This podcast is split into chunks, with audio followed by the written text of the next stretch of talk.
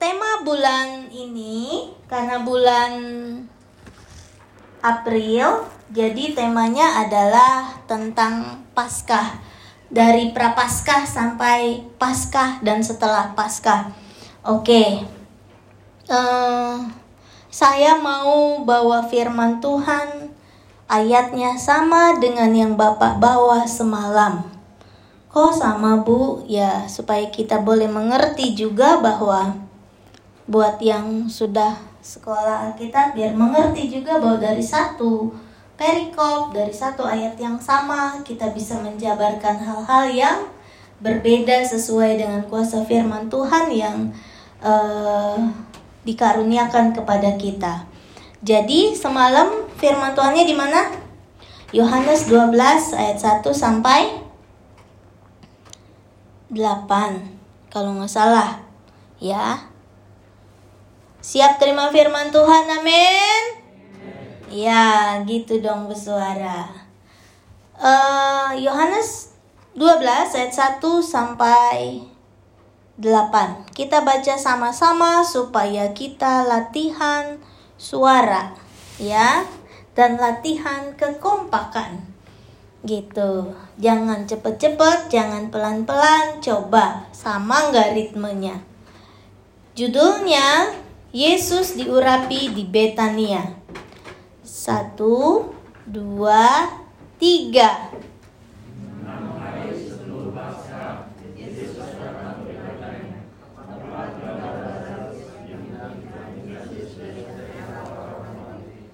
di situ untuk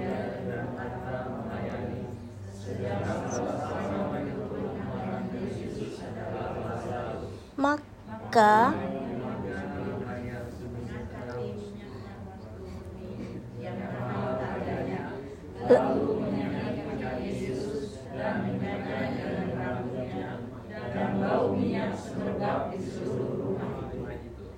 tetapi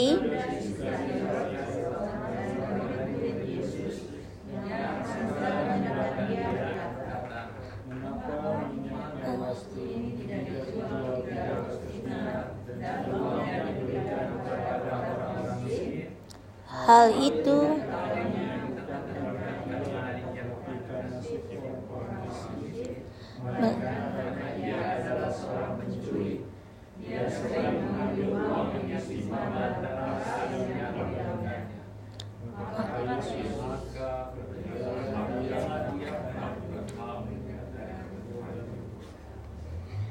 Karena orang-orang miskin selalu ada padamu, tetapi aku tidak akan selalu ada pada kamu. Amin.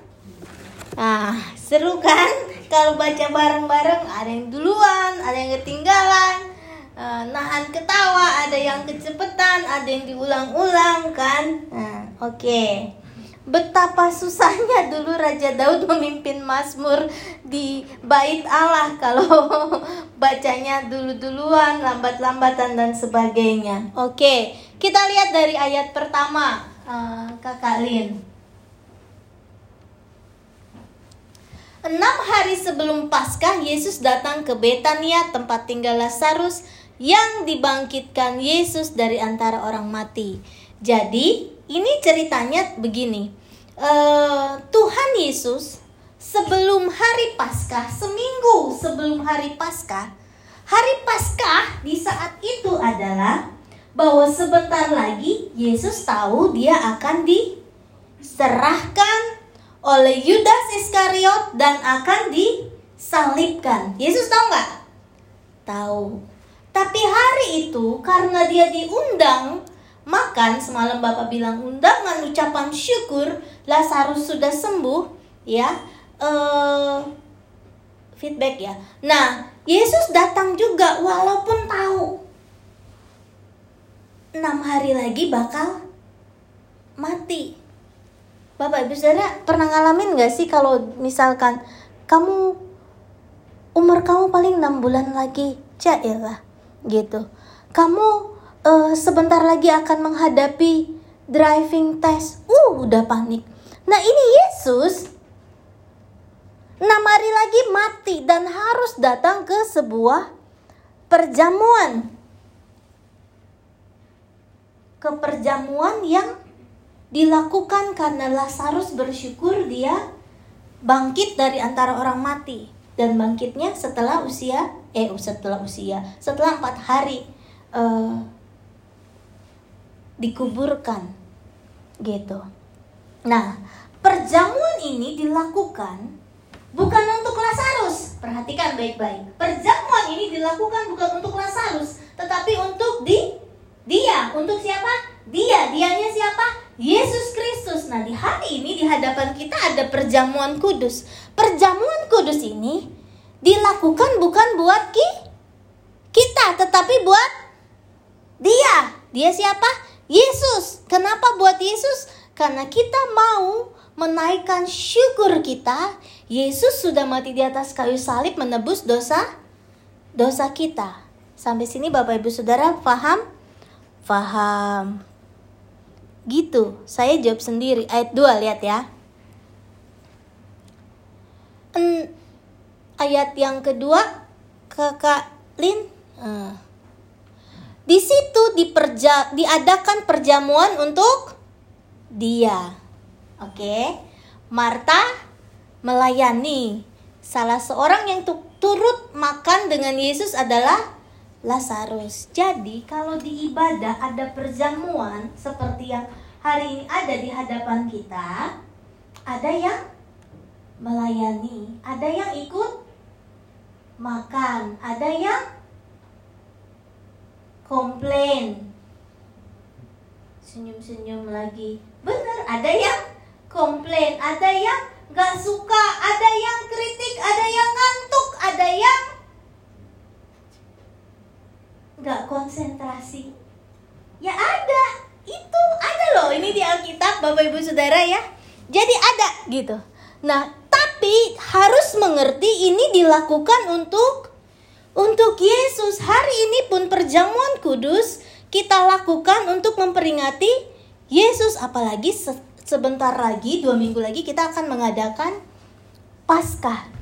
Jadi kalau di rumah Tuhan ada berbagai macam orang It's normal. Jangan mengharapkan semua orang suci kudus tak bercacat, celah semua ada.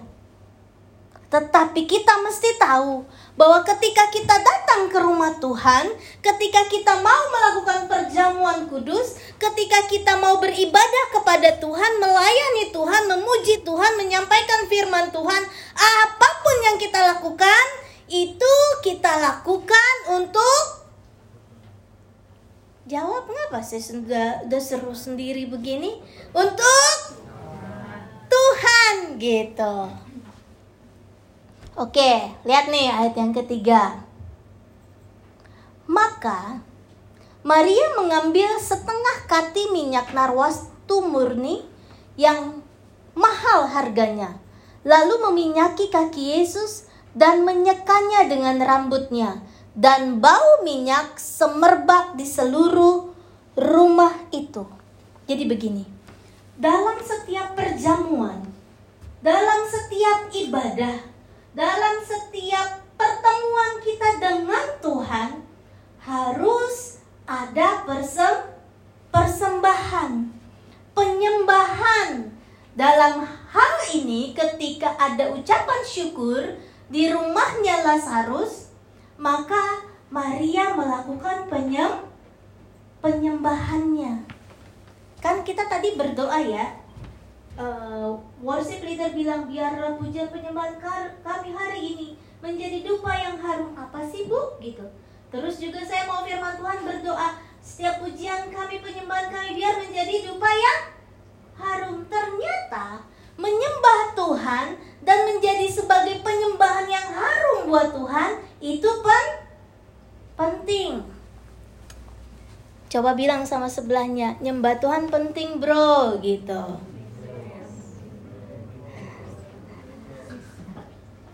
Nah, Maria kan tadi tadi jelas ya, tadi jelas ya, ada ada Yesus Perjamuan ini dilakukan untuk Yesus, ada Marta yang melayani yang sibuk yang nggak konsentrasi oh hatiku nggak kayaknya nggak ke Tuhan di hari ini. Aku sibuk cari chordnya gitu ya. Aku sibuk konsentrasi uh, perhatiin tangan Brandly Pastor Brandly kasih tanda up down dua apa gitu ya.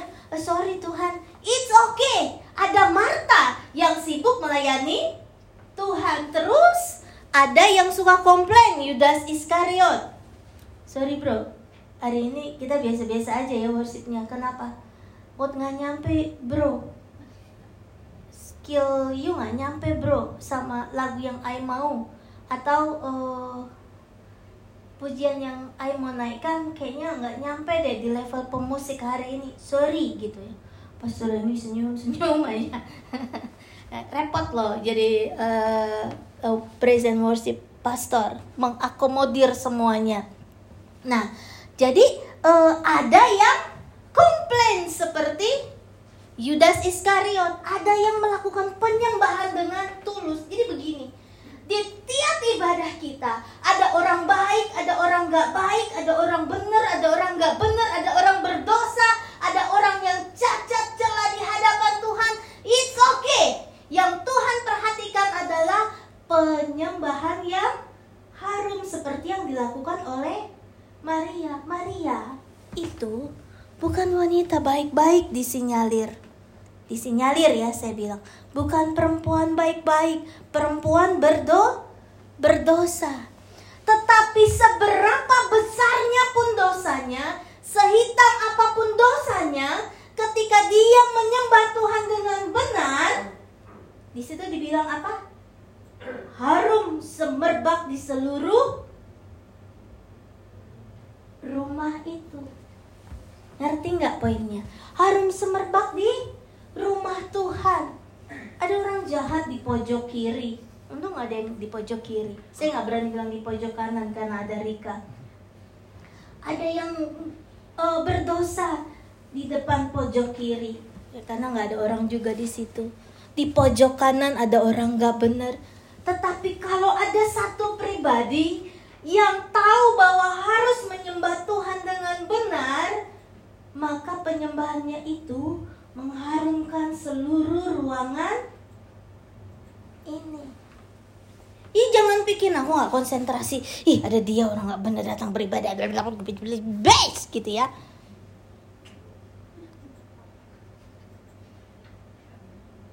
Konsentrasilah untuk memberikan yang terbaik buat Tuhan. Terus begini, di situ dibilang apa? Mengambil setengah kati minyak narwastu murni yang mahal harganya.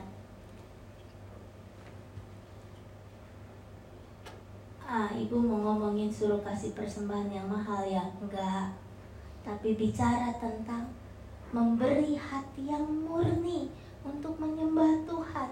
Jangan lagi datang ke rumah Tuhan buat lapor Bu Debi, lapor Pak Krisno, lapor Pak Galung lapor Om Ivan gitu ya. Bukan tapi punya hati yang murni. Itu yang Tuhan pandang mahal. Itu yang Tuhan pandang berharga. Terus di situ dibilang lalu meminyaki? Jawab dong meminyaki? Kaki Yesus. Saudara saya suka pakai parfum. Saya suka parfum Parfum apa Mel? Seakan ini nggak di endorse ya guys. Saya suka apa namanya? Mark Jacob. Nah terus kalau saya semprot saudara, saya semprot di saya perempuan loh begini-begini saya ya tuh rapat kakinya semprot sini belakang telinga terus di lengan di pergelangan siku nggak pernah saya pakai parfum. Bis mandi nih mau gereja pakai parfum ah. Nggak nggak ke kaki nggak. Kadang-kadang taruh di punggung oke okay. tapi nggak di telapak kaki. Kenapa? Ketutup sepatu coy. Apa harumnya? Kecuali yang kakinya bau. Enggak tapi begini maksudnya. Kaki. Kaki adalah bagian terkotor. Kan kita suka tahu dong mama kita waktu kita kecil bilang apa kalau pulang dari mana-mana? Cuci kaki. Udah mandi nih mau tidur. Cuci kaki. Kaki bagian terkotor. Saudara perhatikan baik-baik sebuah minyak yang mahal. Kok sebuah sih? Setengah kati minyak narwastu murni yang mahal disemprotkan di bukan disemprotkan di situ. Di tuang. Di di Matius dibilang dituang di kaki bukan disemprot. Kok disemprot kan dikit dong.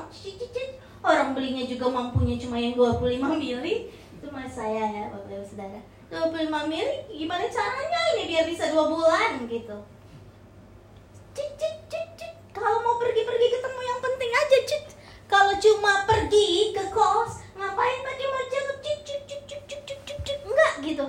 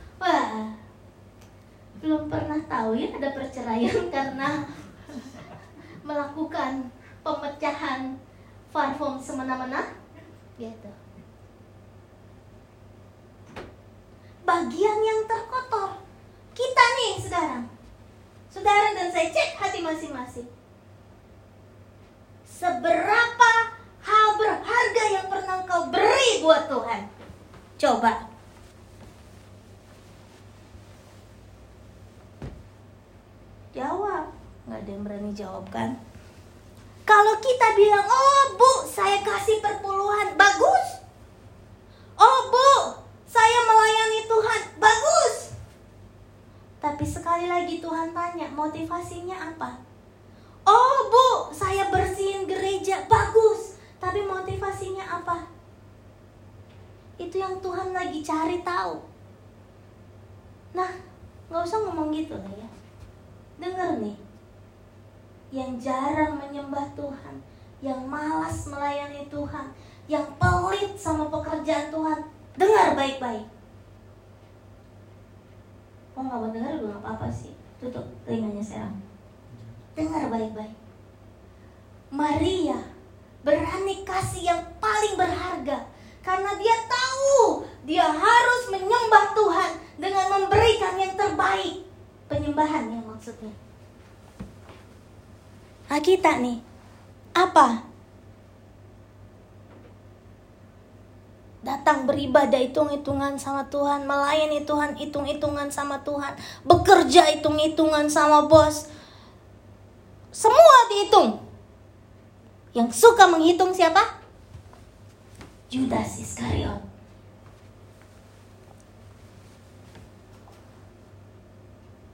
Lalu di situ dibilang apa? Dan menyekanya dengan rambutnya. Andai saya murah hati sama Bapak.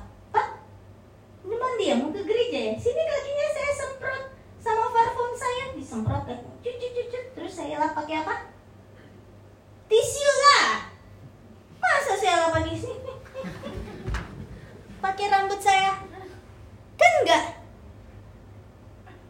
contoh contoh ada yang lagi falling in love nggak di sini misalkan Rika gak apa-apa kan nggak mau menikah Johnnya keringetan gitu ya aduh sayang Cela Sayang, kamu keringetan ya? Dilapnya pakai apa, Rika? Cari tisu. Di mobil dia banyak tisu. Ambil tisu, dilap. Perhatikan ya. Kalau perempuan lap uh, kening laki-laki gini. Kalau ada laki-laki nggak boleh lap begitu. Jangan, kalau laki-laki lapnya gini ya. Dilap. Nggak pernah tuh Rika tiba-tiba, sayang, aku lap kerimat kerimat kamu pakai rambut. Enggak. Secinta-cintanya tuh. Dengar John. Iya. Enggak, enggak pakai rambut. Kenapa rambut itu mahkota? Jadi begini. Kalau Maria merelakan mahkotanya untuk menyeka bagian terkotor dari tubuhnya Yesus yaitu kakinya, artinya apa? Dia letakkan mahkotanya, dia letakkan harga dirinya, dia letakkan egonya semuanya. Buat apa? Buat menyembah kepada Tuhan memberikan penyembahan kepada Tuhan. Kita tuh harus begitu sekarang di akhir zaman. Jangan lagi menyembah Tuhan setengah hati, masuk dalam rumah Tuhan setengah hati. Berburu mau pecahin parfummu buat seka kaki Bu Debi. Jangan, nanti saya jadi Tuhan. Mengerti sampai sini? Rela meletakkan mahkotamu, egomu, semua yang engkau taruh di atas tempat yang paling tinggi. Saudara, orang tua sering marahin anaknya karena jatuhin gelas, bukan karena jadi basah, jadi pecah gelasnya, bukan karena takut dibilang nggak bisa ngajar anak. Apa itu namanya? Eh, ego. Orang gak mau dibayarin makan bukan karena dia merasa punya duit tapi terhina aku kok dibayarin. Ada nggak yang ngerasa gitu? Ada. Udah udah kita bayar masing-masing aja gitu. Padahal nggak apa-apa loh dibayarin. Orang mungkin dia lagi pengen uh, merayakan sesuatu. Gak usah, gak usah, gak usah nggak usah aku aja aku aja gitu ya. Mending kau bilang aku aja. Nggak usah nggak usah bayar masing-masing aja. Kan? Artinya punya duit. Kalau punya duit ya udah udah aku aja ya bayar. Bukannya pas mau dibayar nggak usah nggak usah kita masing-masing aja gitu. Taruh ego kita ketika kita menyembah Tuhan melayani Tuhan datang ke perjamuan Tuhan. Jangan ada yang bilang begini Bu, ada yang datang gitu ya. Bu, saya bersyukur. Tuhan selalu tolong hidup saya. Saya jawab apa? Amin, haleluya. Saya luput dari kecelakaan. Amin, haleluya. Saya membagi-bagikan uang kepada orang susah. Oh, amin, haleluya. Orang-orang dipecat saya enggak. Oh, amin, haleluya. Lama-lama saya panas telinganya. Kenapa? Kok dia meninggikan diri sendiri ya? Kok memuji diri sendiri ya? Paham nggak sampai di sini? Kelihatannya bagus, kelihatannya kesaksian.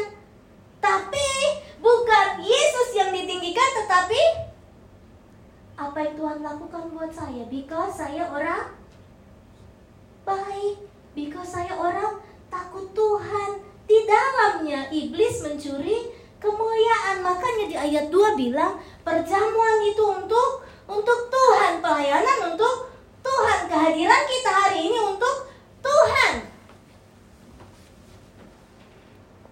Oke? Oke, ayat yang keempat.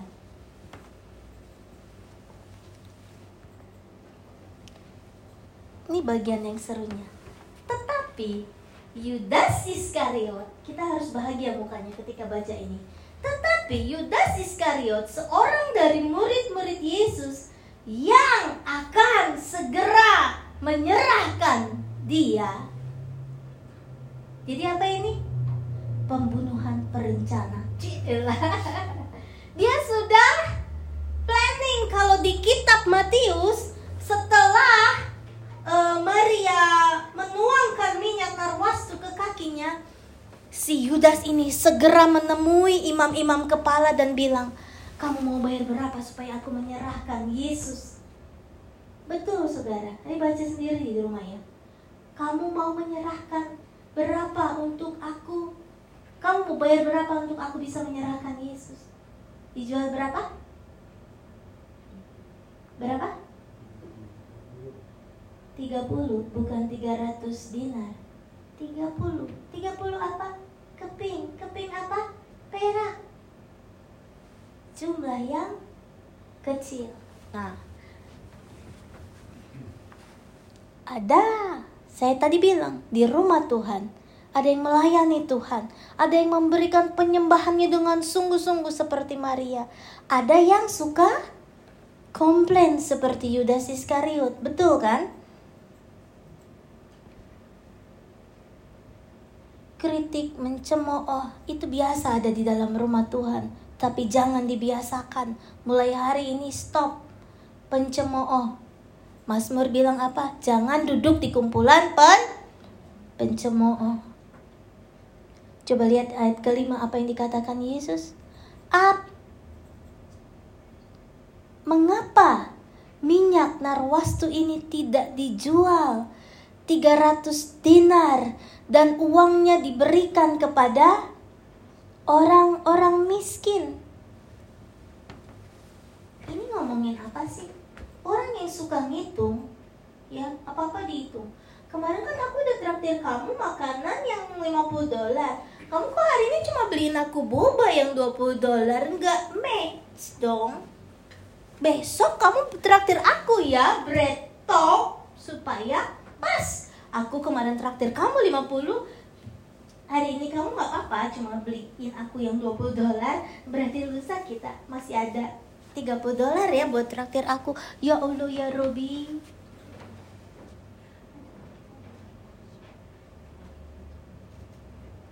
Orang yang suka ngitung detail begini. Temennya Yudas. Kenapa Yudas tahu? Karena memang dia suka hitung-hitungan. Karena hidupnya Yudas terpaut dengan uang. Segala sesuatu dihitung dengan uang, diukur dari uang.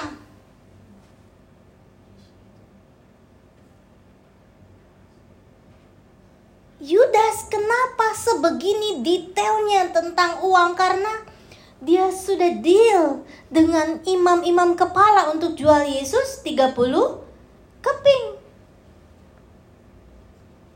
Sekarang pertanyaannya saya begini. Kalau Yesus dia jual 30 keping perak, apa iya? Kalau terus Yesus bilang, "Oh, iya ya. Nih, masih ada sisanya coba kamu jual minyak narwastunya berapa pertanyaan saya apakah hasil penjualan minyak narwastu itu akan dia bagikan kepada orang miskin tidak kalau Yesus saja dia cuma jual 30 keping perak minyak narwastu ini nggak akan dia jual terus betulan dia bagi-bagiin ke orang miskin enggak nggak akan Orang yang suka ngitung dengan detil, apa-apa dihitung detil, uang dihitung detil, semua dihitung, gitu ya. Dia juga akan hitung apa yang dia perbuat buat Tuhan. Dia juga akan hitung apa yang dia sudah perbuat buat temannya, buat saudaranya, buat istrinya, buat eh, tetangganya, buat jemaatnya, buat gerejanya. Semua dihitung. Hati-hati. Jadi jadi Yudas.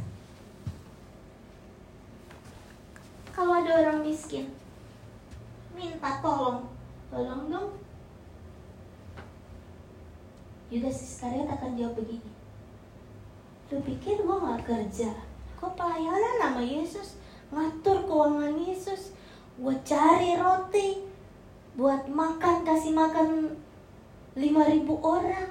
Udah repot deh, enak aja minta-minta. Kita kan kalau ada orang minta tolong suka gitu. Emang lu kira kerja di Australia gampang? Kepala jadi kaki, kaki jadi kepala jadi jalannya terbalik gitu aku juga dulu susah payah loh kerja keras loh emang santai-santai loh eh.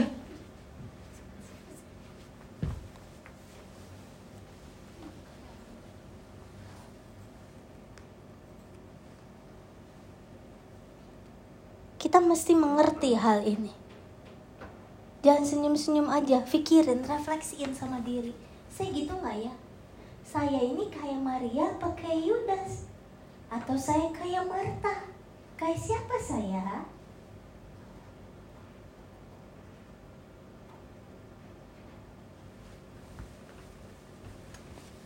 Coba lihat ayat berikutnya.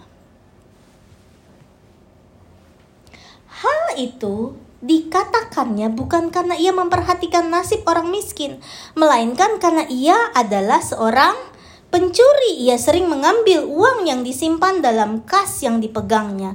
Oke lah, uh, kasus pencurian dia kita skip dulu ya. Emang dia udah begitu orangnya. Oke, ampunilah dia. Makanya kenapa dia suka hitung-hitungan? Ternyata dia suka mencu mencuri dan bahkan Alkitab bilang dia pencuri. Sudah jelas.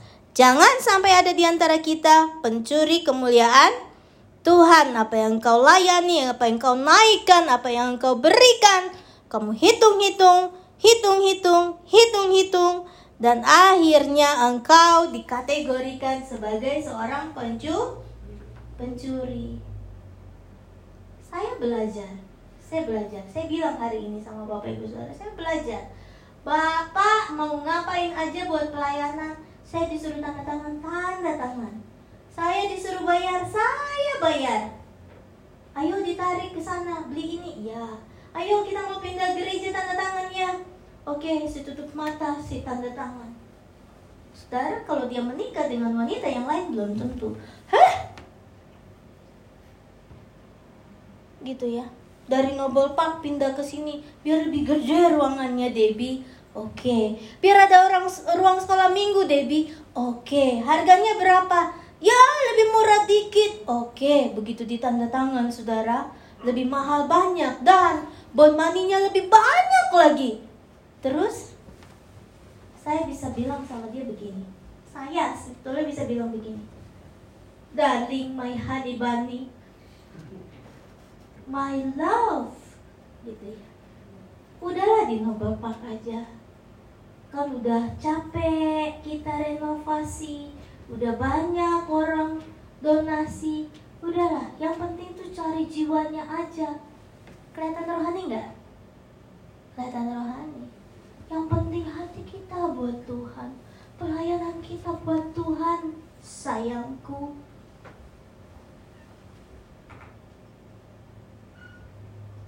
Saya belajar untuk ya udah tanda tangan aja. Ya udah bayar ya, bayar. Berapa bon maninya? 5000 oh dalam nama Yesus. Gitu ya. Oke, transfer bon money. Kalau istrinya Yudis Iskirin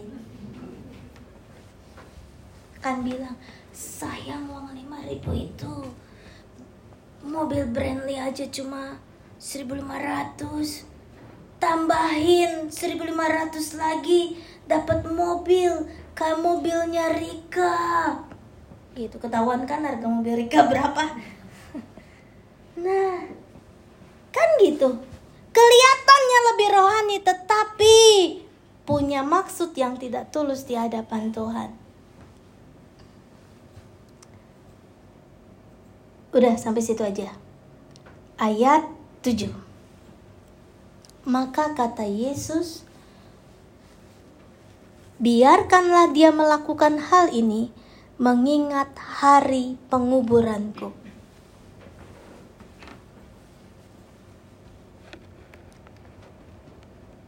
perjamuan kudus. Perjamuan hari itu, perjamuan makan hari itu untuk mengingat penguburan Yesus. Pertanyaannya, Yesus sudah dikubur? Belum. Kenapa harus diingat penguburannya? Ih, serem. Maria meminyaki kaki Yesus dengan minyak narwastu yang mahal yang di berapa harganya 300 dinar Bapak kamu semalam nggak detil ngomong 300 dinar gaji setahun pekerja anggaplah berapa kata Bapak 1000 berarti kali 52 minggu 52 ribu. Pernah beli minyak? Wangi 52 ribu? Seliter gitu? Mau minum air mineral? Satu liter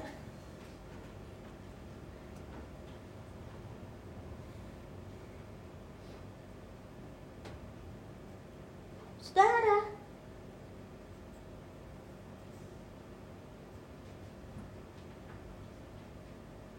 memberi untuk Tuhan ngomong wah aku udah begitu situ loh. Beribu loh ratus loh itu loh. Terus dihitung wah Jemaat Bapak Krisna semalam ada 75 hari ini ada 40 kurang lebih 110 kalau satu orang kasih perpuluhan 100 buset udah beda sama Bapak Krisna dapat 2000 dolar seminggu. Luar biasa cek hati masing-masing ya cek hati masing-masing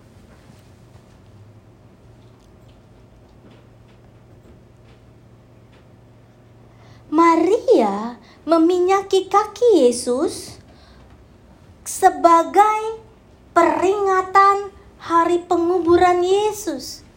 Padahal Yesus, diulang lagi, Maria meminyaki kaki Yesus dengan minyak narwastu yang mahal mengingat hari penguburan Yesus. Padahal Yesus belum mati buat dosa-dosa Maria. Hari ini Yesus sudah mati buat dosa saudara dan saya. Masa kita masih hitung apa yang harus kita beri buat Tuhan? Apa yang penyembahan yang seperti apa yang harus kita uh, lakukan kepada Tuhan? Padahal Yesus sudah mati buat saudara. Maria waktu itu Yesus belum mati buat tebus-tebus dosanya, cuma bilang dosamu diampuni, oke? Okay? Dia belum melihat betapa tragisnya Yesus mati di atas kayu salib.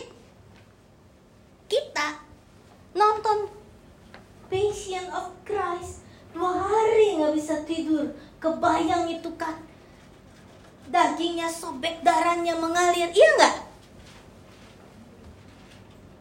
tapi kita tidak mau melakukan penyembahan seperti yang dilakukan oleh Maria kita cenderung seperti Yudas menghitung, menilai sekeliling kita.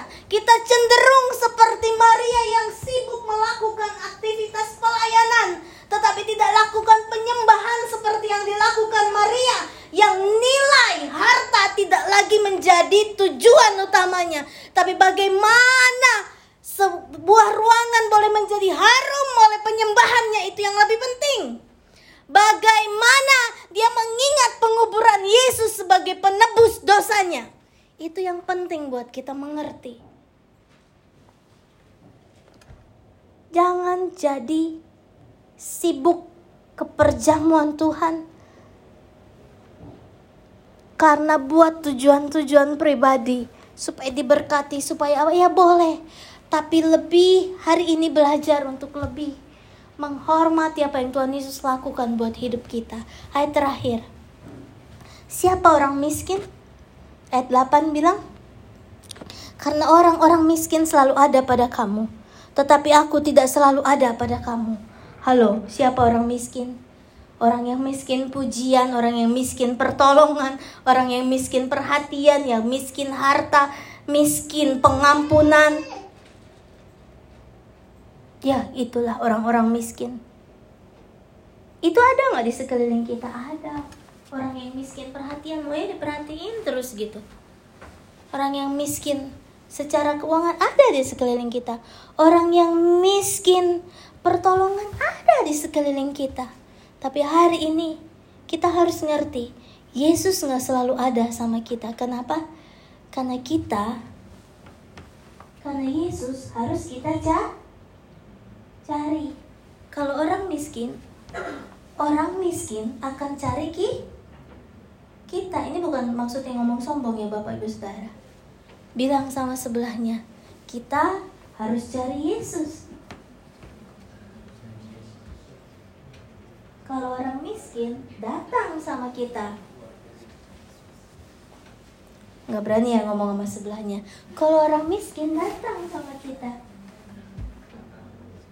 Kan rumah kita pernah diketok kan? Aku jualan coklat, aku jualan apa gitu. Tolong, ketuk rumah kita dan bilang, tolong. Kalau orang miskin datang ke kita. Tapi kalau untuk Tapi Yesus arti bahwa orang miskin itu nggak selalu kalau orang miskin itu selalu ada bersama-sama dengan kita tapi Yesus nggak selalu ada artinya apa? Kalau Yesus harus kita cari harus kita temui. Kalau orang miskin kita nggak cari dia datang. Eh ada dia lari ah. Eh dia datang kabur ah. Ngerti? Oke kesimpulan. Maria memberi 300 dinar Amin. Amin. Yudas menjual Yesus 30 keping perak. Pikir sendiri. Maria menyiapkan minyak wangi di pundi-pundi pualam. Yudas mengumpulkan pundi-pundi uang. Maria melakukan penyembahan. Yudas melakukan pencurian. Maria menjadikan Yesus sebagai pusat penyembahan. Yudas mengalihkan perhatian orang banyak dari Yesus kepada orang miskin. Jangan Yesus dulu, Yesus jangan Yesus dulu kasih dulu itu ke sosial kita ke sosial kita. Ya orang miskin dulu orang miskin dulu. Maria membuat Roh Kudus bekerja. Yudas membuat setan bergerak. Dibilang Alkitab bilang apa? Yudas kerasukan kuasa setan karena dia tega jual Yesus. Maria Perbuatannya diingat, Alkitab bilang. Perbuatanmu akan diingat setiap kali Injil diberitakan. Yudas, perbuatannya diingat sebagai kejahatan dan pencurian. Hari ini ada perjamuan kudus di hadapan kita